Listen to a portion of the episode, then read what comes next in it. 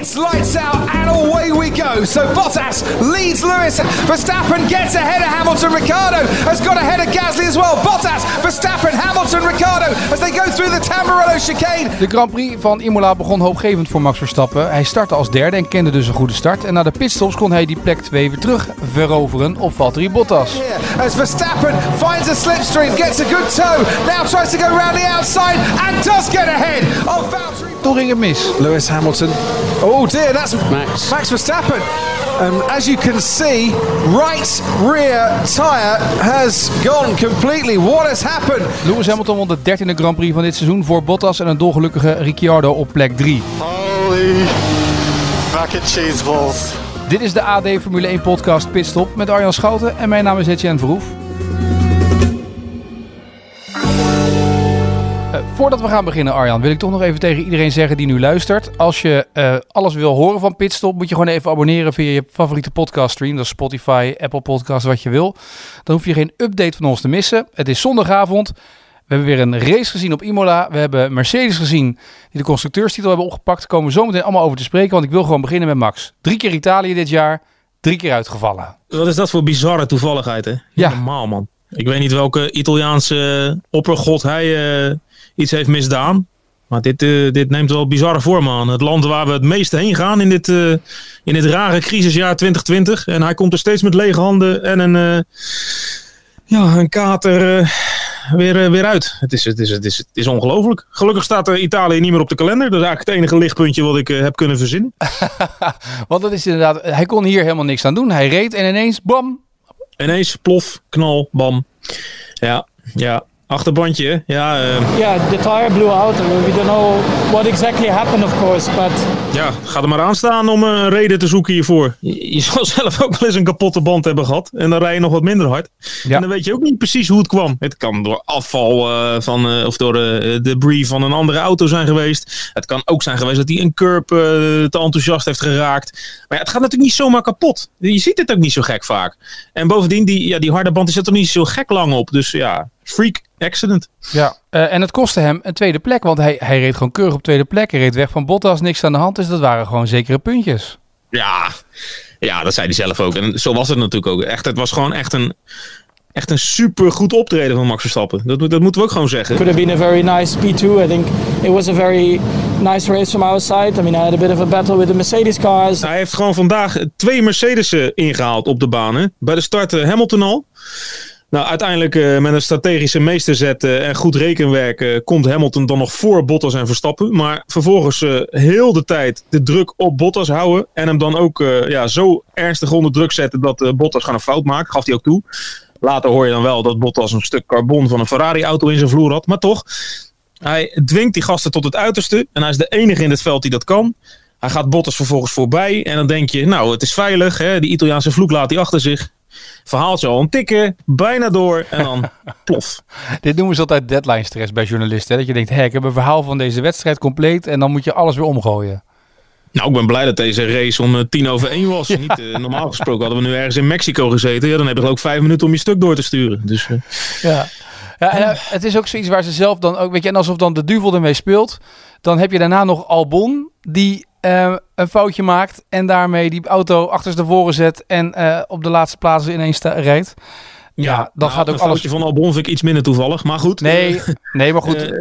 Eh, ja, het, eh, het, het, het stapelt zich wel op, zeg maar, de ellende. Kijk, de, eh, we kregen een appje dat Christian Horner een vlucht eerder naar huis nam. Nou, ik geef hem groot gelijk. Helemaal klaar ermee. die had geen zin om met de media te praten vandaag. Nee, nou ja, goed. Ze hebben natuurlijk al een statement gegeven. En hij is wel voor een camera verschenen. Maar eh, ja, dit is natuurlijk hartstikke zuur. Ik bedoel, eh, ja, ze konden gewoon Mercedes aan. eh, redelijk mee in het tempo. Eh, en dat was toch wel weer een opsteker. Want ja, dat gat in Portugal was toch wel weer eng groot. Maar eh, ja, dan dan eindig je zo. Het is gewoon vervelend. Het is naar. En ja, heel raar dat Ita- Italië... Ja. Christian Horner die gaf, die, die zei, Italië is niet aardig geweest voor Max. Nou, dan, dan som je het, dan, Ja, je aardig op. aardig samen Ja. in één zinnetje. Ehm, maar het zorgt er ook voor dat er een dikke streep kan nu door de tweede plek voor Max Verstappen in het WK-klassement. 197 punten voor Bottas op plek 2, Verstappen nu 162. Ja, Moet je wel hopen dat Bottas een keer uitvalt ongeveer hè? in de laatste Ja. vier races. Ja, ja. en eh, als we naar de uitvalbeurten gaan kijken, dan is het, eh, is het logischer dat Verstappen nog ergens tegenaan loopt. Want die heeft er nu vier uit 13. En Bottas 2 uit 13, wat eigenlijk al vrij veel is voor Mercedes. Maar ja, weet je, wat maakt het dan uit, die tweede plaats, die derde plaats? Kijk, als die tweede wordt in het WK, dan kunnen wij allemaal schrijven dat eh, ja, de progressie is doorgezet. En, eh, maar ja, goed, weet je, eh, dit is sowieso al zijn beste seizoen ooit. Hij loopt alleen tegen de mankementen van materiaal aan. Dat hebben we nu al een paar keer gezien. En ja, Bottas, ja. Eh, Max Verstappen was in die Mercedes ook wel tweede geworden. Misschien wel eerste. Dus ja, ja daar heb je niet zoveel aan. Ja. Ehm, want Lewis Hamilton, die zei ja, eh, die start van mij was niet zo heel best. Today was didn't start out as how I'd planned. I don't know what happened at the start, but I got a pretty poor start, and then to get myself closer to Valtteri, and I couldn't overtake um, Max. Tactisch heeft hij het natuurlijk fantastisch gedaan, Lewis Hamilton. Ja, hij heeft best wel een briljant eh, weekend gedraaid. Hè? Want eh, ik weet niet of je hem gehoord hebt na de kwalificatie. Maar toen, eh, ja, toen, toen leek het eigenlijk al bijna of dat hij de, de strijdbel al had begraven. Al een beetje zich bij neer had gelegd dat hij niet ging winnen. En weet je, toen zei hij, ja, ik een boring race wordt en je kan hier niet inhalen. En de kwalificatie hier was net zo belangrijk als op Monaco. En ik had die eerste moeten staan. En ja, ik moet hem bij de eerste bocht voorbij, anders lukt het me niet meer. Maar ja, wie weet is er nog wat mogelijk. Maar ja, ik, ik, ik verheug me niet op deze race. En ja, misschien zie ik dingen hoor, maar dat is toch ook wel weer een mooie mindgame. Er is ook wel een beetje, beetje zand in de ogen strooien van Bottas. En tegelijkertijd bij Bottas er ook enorm veel druk op leggen. Van eh, luister jongen, jij staat op die eh, pole position. Jij gaat het afmaken. En hij weet hoe ongelooflijk moeilijk Bottas het heeft om te winnen van Pole. Hè? Want het was zijn vijftiende pole. En bij een derde van die races wint hij maar. Dus volgens mij was het de tiende keer dat hij niet won van Pole. En ja, vervolgens ja, die start die, die verknalt hij eigenlijk. Hè. Daar is hij niet snel genoeg weg. Ook aan de moeilijke kant. Eh, eh, Verstappen die kan mooi in, die, eh, in, in, in dat spoor van Bottas mee en hem ook nog voorbij. Terwijl Hamilton eigenlijk moet vechten met de mannen achter hem. Maar dan ziet hij die gasten echt bijzonder vroeg naar binnen gaan. Daar was hij best wel verrast over. En toen zei hij meteen op de radio van... jongens, jullie halen mij niet naar binnen. Ik stam nog even door. En dat is ook gewoon de regie bij jezelf houden. Hè. En dat is, ja, dat is eigenlijk schaken. En uiteindelijk heeft hij deze race gewoon gewonnen naast, eh, naast het asfalt. Gewoon in de pitstraat. Gewoon heel goed gedaan. Maar hij wist dat, want hij zat natuurlijk achter Max en hij kwam op een gegeven moment dichterbij. En toen had hij door, ja, met deze luchtstromen, eh, dat, dat trek ik niet. Ik hou wat afstand om mijn banden een beetje ook te sparen. Ja. Hij was eigenlijk zijn banden. Hij had, eh, wat, wat, hij, wat hij gewoon nodig had was vrije lucht. Dus dat deed hij heel erg slim. En natuurlijk, hij wordt ook nog een beetje geholpen door de wedstrijdleiding. Hè, want die virtual safety car die duurde geloof ik 32 seconden. En eh, dus eh, precies de, de, de pit delta die Hamilton nodig had. Om, ja, terwijl de rest van het veld een beetje gas terug moest nemen. Hij even vers rubber erop kon leggen. Maar ja, da- daar gaat iedereen nu natuurlijk naar wijzen. Maar je moet niet vergeten dat in die 10 rondjes daarvoor Hamilton eigenlijk al een gat had getrokken van eh, een seconde of 2, 23 naar 28. Dus het had ook best kunnen zijn dat hij zonder die hele virtual safety car ook gewoon gewonnen had. Ja, ik heb eh, Lewis niet de afloop gehoord over de officials dat die hem tegen zaten deze keer. Nee, het zat hem reuze mee. Maar ja, dat is misschien ook wel gewoon het geluk van een kampioen. Hè? Ja, nee, dat klopt. Ehm, Lewis Hamilton eh, won deze Grand Prix voor Bottas. En daarmee werd Mercedes voor de zevende keer op rij de winnaar van de constructeurstitel. Dat is toch ook wel bijzonder, hè? Dat is vooral heel veel. Ook dat, Ja, ja. laten, we het lijstje, we het lijstje er even bij pakken. Eh, want ja, Mercedes 214, 220, zeven keer. Dat is een record. Daarmee gaan ze eigenlijk Ferrari voorbij. Hè? De gouden jaren van Schumacher. 99, 2004, zes keer. En dat was al heel bijzonder. Want daarvoor waren er twee teams die een keer vier keer achter elkaar hebben gewonnen. Dat was Red Bull zelf hè, in de jaren van Vettel. En het gouden McLaren van eind jaren 80, begin jaren 90. In de jaren van, eh, ja, wie zaten daar toen? Senna en Prost. En... Dus ja, dat je zo ongelooflijk lang eh, constant kan zijn en, en jezelf maar blijven verbeteren. Kijk, het cliché is, het is zo logisch hè, van eh, aan de top komen is makkelijk, maar blijven is, is veel moeilijker. Maar ja, Mercedes die bewijst eigenlijk dat ze dat eh, tot in de puntjes eh, in orde hebben. Echt heel knap. Ja. Eh, wat is het geheim van Mercedes? Dat ze dit hebben opgebouwd in die zeven jaar? Zo, dat is nog wel een vraag. Ja, ja ik ben niet van de makkelijke ja, vragen, hè? Kan ook zeggen, zeg maar. is? Kijk, ik denk dat er niet een eenduidig antwoord op te geven is. Maar het feit is natuurlijk wel dat eh, je, je zit nu in een, in een hybride tijdperk waarin de regels niet zo gek veel veranderd zijn. En ze zijn daar heel sterk begonnen.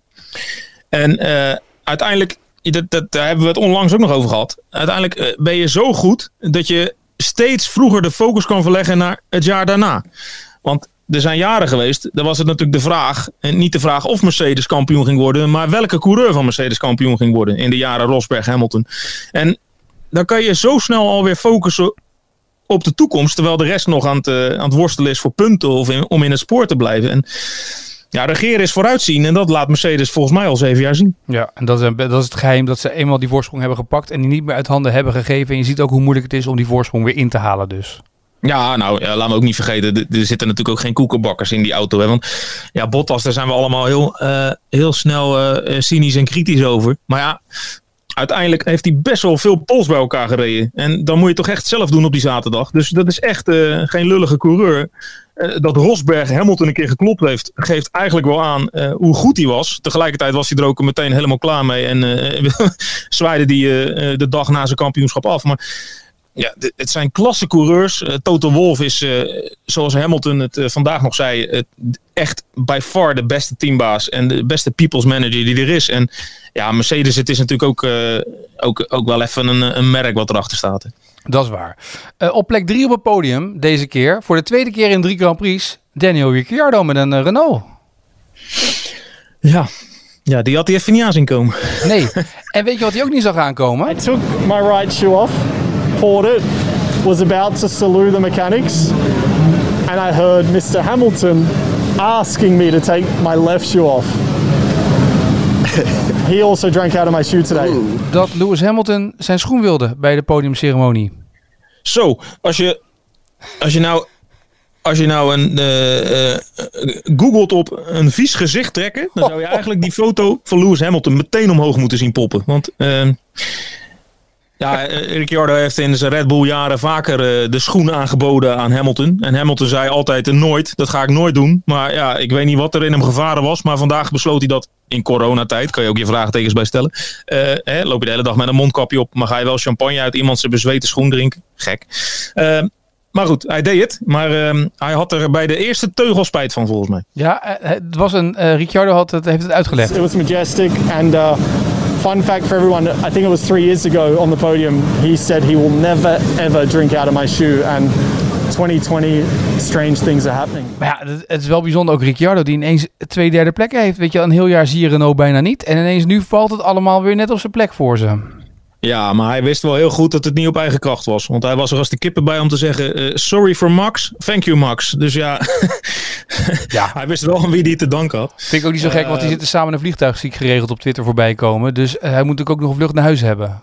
Ja, ja, maar wat ook wel mooi was, hè, hij was nog niet binnen. Hij was nog niet over de finishstreep. En Schreeuw Abiteboel die riep door de radio, gefeliciteerd met je podium, niet weer een tattoo. ja. Uh, Kwiat trouwens, vierde. Dat was ook wel een ja. verrassingje. Ja, die heeft het daarna even gevierd met, uh, met keihard, uh, wat was het, wat hij aan het draaien was? Ace of Space volgens mij. Ja, zoiets Die zat een rocker joh in zijn kleedkamer. Ja, die was echt blij. Dat is ook gewoon echt een hele knappe prestatie. Nou, en zeker voor iemand die nog geen stoeltje heeft voor volgend jaar. Ja, ik weet niet of het hem veel gaat helpen. Want uh, ja, in alle uh, wandelgangen en speculaties valt niet gek vaak zijn naam. En het lijkt er toch sterk op dat hij plaats moet maken voor een jonkie uh, bij Alfa Tauri. Maar ja, hij bewijst zichzelf wel een goede dienst met wat hij vandaag heeft gedaan natuurlijk. Ja, dat is waar. Um, een paar dingen die we nog even moeten doornemen over deze race. We hebben aan de voorkant gezegd, werd er gezegd dat deze race voor Alexander Albon een soort van... Ja, ik wil niet zeggen laatste kans was, of eindexamen, of hoe je het ook moet noemen. Sorry? Do or die? Do or die. Ja, nou ja, dat is ook... Ja. Um, als je dat wel beschouwt, dan is natuurlijk uh, uh, deze vijftiende plek, uh, laatste, nou ja, dan is het die, toch? Dan is het klaar. Ja, ja, het is een beetje het verhaal van Albon. Hè. Daarna, hij had weer 88 excuses waardoor het kwam. Maar ja, dat is altijd. Maar weet je, het is ook altijd wel uit te leggen. Alleen, ja, dat helpt je natuurlijk niet. Je, je moet helemaal niet na afloop van een race allemaal dingen uit willen leggen. het Max Verstappen die zei het uh, van de week wel uh, handig. Hij zei uh, het enige wat hem kan helpen is gewoon niet lullen maar gas geven. En ehm, ja, dat vindt hij gewoon heel moeilijk. Tuurlijk, die coureur die kan rijden. Dat heeft hij, dat heeft hij heel lang gezien. Alleen ja, het lukt hem op de een of andere manier niet, niet bij Red Bull. En ehm, Ja, we hebben het er in de video ook al over gehad. Eh, misschien is die auto wel gewoon eh, niet zo makkelijk bestuurbaar als dat Max Verstappen het af en toe doet lijken. Ja, ik moet ook zeggen, eh, jij spreekt die gasten vaker. En ik kijk alleen op de videobeelden, kijk dan die interviews terug op de zaterdag en de zondag en wat er dan de afloop allemaal gebeurt. Jij zit ook vaak tegenover die gasten. Ehm, en als ik dan naar Lewis Hamilton kijk, die zit daar, die is die relaxed en die weet wat hij kan en die kent zijn kwaliteiten. Max Verstappen geldt precies hetzelfde voor. Maar als ik Alexander Albon zie, dan zou ik bijna niet eens mijn autosleutels weggeven aan hem om mijn auto weg te zetten op een andere plek, omdat je bang bent dat hij tegen een paaltje aanrijdt. Zo kijkt hij ook de Mhm. hele tijd. Oké, zal ik volgende keer even aan hem doorgeven. Nee, maar dat is toch. Je ziet in mensen, je ziet in, in de ogen van mensen of het een winnaar is. Of dat iemand op. eh, wat- Hij doet nog iets exceptioneels. Hè, laten we dat vooropstellen. Want wij rijden niet op dat niveau. En wij, wij doen het allemaal niet. En, en dus ik vind het nog steeds heel knap. Maar er zit natuurlijk een verschil in de, in de ogen. Zie je de mindset volgens mij van mensen. Ja, ja Snap je wat ik bedoel? je bedoelt. Ik snap wat je bedoelt. Maar ja, weet je, je, je kan hem ook helemaal aan het begin al gaan analyseren. Ehm, uiteindelijk is hij natuurlijk gewoon veel te veel op de stoeltje gezet bij Red Bull. Hij was er nog helemaal niet klaar voor. Had een half seizoentje gedraaid, eh, vers uit de Formule 2 eh, bij eh, ja, Toro Rosso heette dat toen nog. En werd gepromoveerd omdat Gasly het niet goed genoeg deed. Ja, daar kan je achteraf een heleboel vraagtekens bij zetten. En ik denk dat Red Bull er ook wel van gaat leren. Want ja, het ontbreekt natuurlijk nu even aan talent. Maar ik ben zeer benieuwd wie ze in dat stoeltje gaan zetten. Ik denk dat ervaring daar echt wel de doorslag gaat geven. Ja, het lijken toch nog steeds twee namen te gaan. Hè? Het gaat tussen eh, Perez en Hulkenberg. eh, blijkt uit alles toch of niet? Ja, maar niets is wat het lijkt in deze sport. Dus, Nee, eh, dat wou ik ook zeggen. Want als dat het is, dan zouden ze zomaar met een andere naam uit de hoge hoed kunnen komen, of niet? Ja, ja, het blijft speculeren, maar... ehm, ik, ik, ik zag die Kviat zo blij zijn na zijn vierde plaats. Ik dacht, eh, wat krijgen we nou? Heeft, hij al wat gehoord? Ja, is uh, Helmoet Marco even langs geweest? Nee, gekheid natuurlijk. Maar uh, ja, het zal best een van die twee gasten zijn. Want uh, vaak bij dit soort dingen, uh, het zinkt heel lang rond en dan uiteindelijk is het allemaal niet zo'n verrassing. Maar ja, het feit is wel dat het, ja, het blijft natuurlijk een, een, een problematisch zitje naast Max. Hè. ik bedoel, ja, stap er maar eens in, begin er maar eens aan. Het is niet makkelijk. Nee, en dan zag ik die Perez van, vandaag rijden. En toen bedacht ik mij, hebben ze bij Racing Point niet de verkeerde weg gedaan?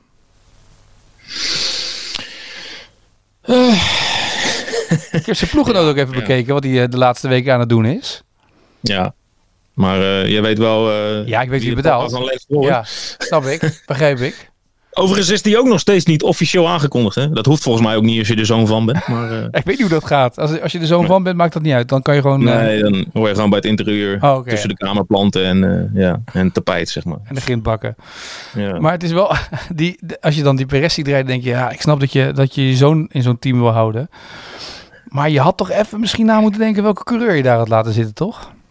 Ja, ja. Je neemt toch niet zo'n ja, team om, om je zoon... Commercieel, commercieel commercieel is dan, is dan een, een, een Vettel, een viervoudig wereldkampioen, natuurlijk veel interessanter. Hè? Dat, dat, dat, dat zo'n zo'n man eigenlijk kiest voor zo'n, uh, ja, met alle respect, een kleiner team. Ja, dat geeft hun al zo'n flow dat ze blijkbaar denken dat ze het wel zonder de Mexicaanse miljoenen van Perez kunnen. Maar ja, we, we hebben het vaker benadrukt. Perez is natuurlijk wel een, een hele constante puntenpakker, al jaren. Ja, ja en dat, uh, ja, dat ga je wel voelen. Dat uh, de, aan het begin van het jaar zeiden goh, McLaren komt opzetten. En uh, toen uh, Sainz naar Ferrari ging, zeiden we, haha, waarom moet hij nou? Want hij zit bij McLaren, dat gaat toch veel beter. Racing Point zou eraan komen. Nu komt Renault weer opzetten. Er is toch eigenlijk niemand achter Max Lewis en Valtteri Bottas die ergens nog een vuist kan maken om echt het verschil te maken. Geen team dat erachter komt dat echt zegt, nou weet je, wij staan als volgende team klaar, toch?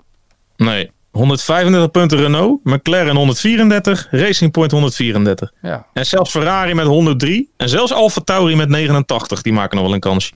Maar um, ik ken één iemand die met deze stand heel erg blij is. ja, dat snap ik, ja.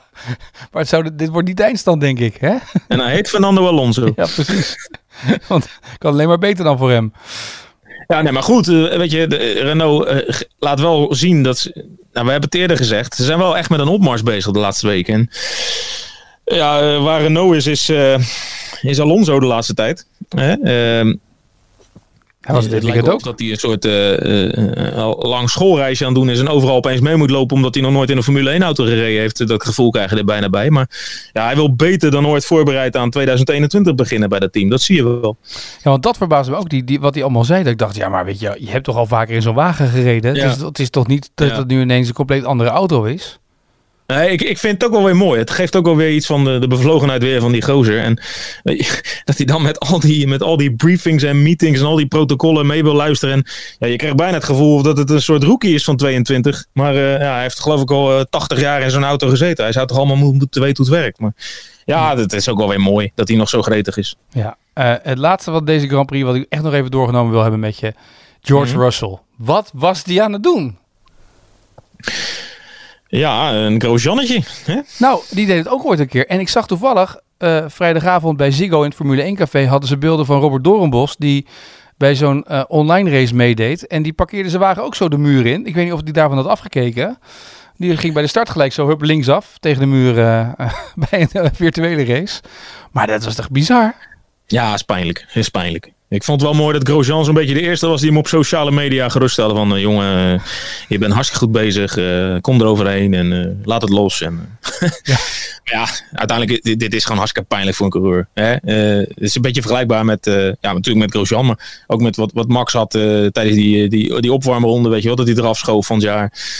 Ja, je kan rijden als de beste. Russell die wordt natuurlijk al maanden geroemd om, weet je, dat hij alles uit die beperkte Williams haalt. En ja, dan overkomt je zoiets. Hè, ook nog achter een safety car. eh, het- het- gekke situatie. Dan denk je opeens weer, er is van alles mogelijk. En dan, eh, het- ja, het overkomt de beste, zou je maar zeggen. Het overkomt je vaak maar één keer als het goed is. En dan daarna doe je dat nooit en nooit en nooit meer. Ja, nee, ja, ik, eh, ik, ik- het is iets vaags, hè, want het, het heeft natuurlijk te maken met eh, ja, dat die banden niet goed opgewarmd zijn en koude remmen en weet ik het wat allemaal. Je zag ook, er, er zaten wel meer van die rommelige dingen in, hè, want, want Lance Stroll die reed ook nog die pitstraat in en die, klaagde ook over zijn remmen en die reed die, eh, ja, hoe heet dat, die lollipop man, die, die met dat dingetje, het krukje klaar staat. eh, nou, eh, die moet ook even naar de chiropractor, denk ik, de komende dagen. Dus De laatste keer dat ik dat zag was bij eh Rines VK in eh, de Indy 500. Die reed dan ook bijna zijn team zeg maar op het muurtje. Toen Ja. hij aankwam, dat rondje Het gebeurt wel binnenkwam. vaker dit hoor, dat, dat, dat, dat ze dat rempunt even missen. En dan, ja, dan, gaat, dan gaat die auto helemaal niet zo hard. Maar dan blijkt hij toch nog iets meer kracht mee te brengen dan eh, dat je vanaf de televisie zou zien, zeg maar. Ja, dat is waar. Ehm, nou, dit was race nummer eh 13. Met recht voor Max Verstappen ook race nummer 13. Op naar nummer Ja, 14. oh ja. ja, ja, snel nog toevoegen in de krant, joh. Red je nog net. Is weg. oh, jammer. Volgende afspraak over twee weken. Dan zitten we in Turkije. Ja. En daarna gaan we naar de woestijnen. Ja, maar ik weet niet of het jou is opgevallen. Hè? eh, maar je leest hier en daar, lees je steeds meer van... eh, kan het Formule 1 seizoen nog wel afgemaakt worden? Het coronaspook, landen dicht, lockdowns. Hè? Ja, we moeten nog een paar weken. Hè? Gaat door tot na Sinterklaas. Dus ehm, Ja. ja. Ik weet alleen niet hoe het in Bahrein is met het coronavirus. In Bahrein bestaat helemaal geen corona. Dat Nee. weet jij ook wel. Daarom. En volgens mij hebben ze... bang voor. Maar volgens mij hebben ze Turkije misschien, ja, je weet het niet. Nee, Abu is heel streng. Ja. Dus ehm, ja. Maar Erdogan die ontkent toch ook, net als eh, alle andere grote wereldleiders, eh, bestaan van corona, of niet? Of heeft hij daar... eh, ik weet niet hoe het in Turkije is. Ik hoor daar nooit cijfers over. Nou, dat gaan we eens even uitzoeken voor de volgende video, denk ik. Ja. Eh, hey, wat ik me nog wel afvroeg, ehm, tot slot van deze podcast, hoe gaat het met eh, de kijkcijfers? Want bij voetbal hebben we de van de week gezien, zijn de kijkcijfers in de krant gelezen, storten de kijkcijfers een beetje in zonder publiek. Hoe is dat met Formule 1? Is daar al wat over duidelijk? De race in Portugal, eh, van, eh, we hebben het over, twee weken geleden. Ja, een week geleden, ja. Die werd eh, in Amerika live uitgezonden op ESPN 2. En die had een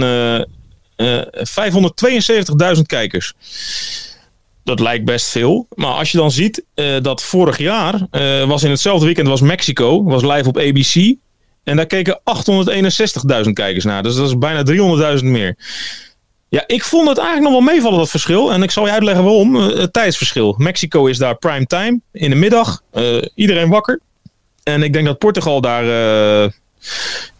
heel vroeg was, denk Ja. ik, in de ochtend. Ja, Ik denk dat je er zelfs je wekker voor moest zetten als je de start wilde zien. Dus eh, ja, ik vind het nog niet zo, niet zo eh, lullig. En dan hebben we nog eh, de Eifel Grand Prix, hè, die op 11 oktober. en die werd, dat, dat was ook wel, dat doen ze dan wel weer slim, hè, Formule 1. Die denken dan, ja, we moeten toch een beetje die feeling houden met de, met, met de fans. En ze mogen al nergens heen vanwege die pandemie. En toen hebben ze die race live op, ik denk in zeven Europese landen, live op YouTube gegooid, gratis te bekijken. En dat heeft ze uiteindelijk 10,5 miljoen unieke kijkers opgeleverd. En uh, honderdduizenden nieuwe abonnees op het Formule 1 kanaal van YouTube. Dus dat hebben ze echt heel slim gedaan. Ja, want uiteindelijk volgens mij is dat waar uh, uiteindelijk het geld verdiend gaat worden ooit. Toch? Dat zie je in, bij al die grote Amerikaanse sporten ook al gebeuren. Pay-per-view, wedstrijden terugkijken, live kijken. Dat iedereen er heel erg mee bezig is. Ja, de, de jeugd hè. Want ja. als je die YouTube-cijfers ook ziet. 31% van de kijkers was jonger dan 25 jaar. En liefst 68% van de kijkers was jonger dan 35 jaar. Dus dan... Uh, ja, dan hou je nog maar 1% over van de kijkers of 2% over van de kijkers die ouder was dan 35 jaar. En ja, dat is ook wel een beetje de YouTube-markt natuurlijk die je aanspreekt. Want mijn uh, vader kijkt er niet gek veel uh, videootjes op. Maar uh, ja, de jeugd, daar, daar ga je het winnen natuurlijk de komende jaren. En dat, daar moet Formule 1 ook wel heen. En dat, dat, dat hebben ze de laatste seizoenen heel goed begrepen. Ja. En als ik kijk in Nederland zie ik ook Ziggo Sport bijvoorbeeld 1,2 miljoen vorige week kijkers. Mm -hmm. Dat is best veel zeg maar voor een, voor een voorspelbaar seizoen hè, waar we het steeds over, wat we steeds zien. Ja, zo spannend is het allemaal niet. Maar ze weten de kijker toch te vinden. En ja, daar kan je alleen maar respect voor hebben. Ja. Alleen, ik, weet je, het, het, het, het, het publieke plaatje, dat, dat is wel jammer. Want uh, je zag de laatste weken dat er steeds wat meer publiek bij kwam. Hè. Uh, Rusland was belachelijk druk, daar wil ik het niet eens over hebben. Ik snapte helemaal niks van wat daar aan het gebeuren was. Maar ja, Portugal zag er lekker uit. En uh, in die eerste in Italië, volgens, of die tweede in Mugello, daar zat ook wat volk. En Eifel, zat ook een paar mensen. Maar ja, nu uh, was er weer uh, een closed event hè, in, uh, in, in Imola. En dat ga je de komende weken de hele tijd krijgen. Want Abu Dhabi en Turkije is sowieso zonder fans. En in Bahrein zijn ze er nog niet uit. Maar ja, het is, het is bijna gek om daar opeens 10.000 man op de tribune te zetten. Sowieso, die zitten er toch al niet, normaal gesproken. Dus je kan er niet naartoe vliegen volgens mij gewoon als, als, als fan. Dus ja, dan zal het van de Saoedi's moeten komen. Die daar altijd de landsgrenzen massaal oversteken om om daar te komen kijken. Maar ja, de, tribunes zijn leeg. Maar, ja, maar dat uiteindelijk is... reageren ze daar heel goed op door, door de kijker te vinden. En dat, ja. is, dat is knap. Want ik denk uiteindelijk bij voetbal mis je de sfeer in een voetbalstadion. Maar bij Formule 1 gaat het de gemiddelde Formule 1-fan om het geluid van die motor. En uh, wat die coureurs zeggen. En dat publiek, ja, dat is leuk. Maar dat is natuurlijk een dus bijvangst eigenlijk. Want je kan heel goed deze sport in beeld brengen op basis van die auto's natuurlijk. Absoluut. Ja, ja die, die sport is daarvoor gemaakt eigenlijk. Want ja, normaal je ziet alleen maar, je ziet alleen maar close beelden van, van, van, van, van, van duels op de baan. En eh, hoe vaak zie je nou een, in een normaal seizoen. Een, je ziet wel eens een overzichtshot hè, in Oostenrijk. Dan brengen ze die oranje tribune in beeld en zo. Maar je hoort het vaak niet, want het motorgeluid overstemt alles. En ja, het, het is inderdaad bijvangst. Ja. Absoluut. Um, goed, nou dan gaan we op naar Turkije. Kunnen we al aankondigen dat we in zo'n volgende podcast een bijzondere gast hebben? Nou, we zijn wel bezig met Rinus. Ja. Uh, we moeten eens even kijken uh, hoe en wanneer. Maar uh, hij uh, komt binnenkort naar Nederland. En dan, dan gaan we eens even een gesprek met hem opnemen. Ja. Dat kunnen we wel beloven aan de luisteraars, absoluut. Dat denk ik ook, ja. Leuk. Nou goed, Arjan, dank voor nu. Dank ook voor het luisteren naar deze AD Pitstop. En we zijn er dus over een kleine anderhalve week weer met de voorbeschouwing op die Grand Prix in Turkije. En de status wat er allemaal gebeurt in het Formule 1 circus. Dank voor het luisteren. Graag tot de volgende podcast.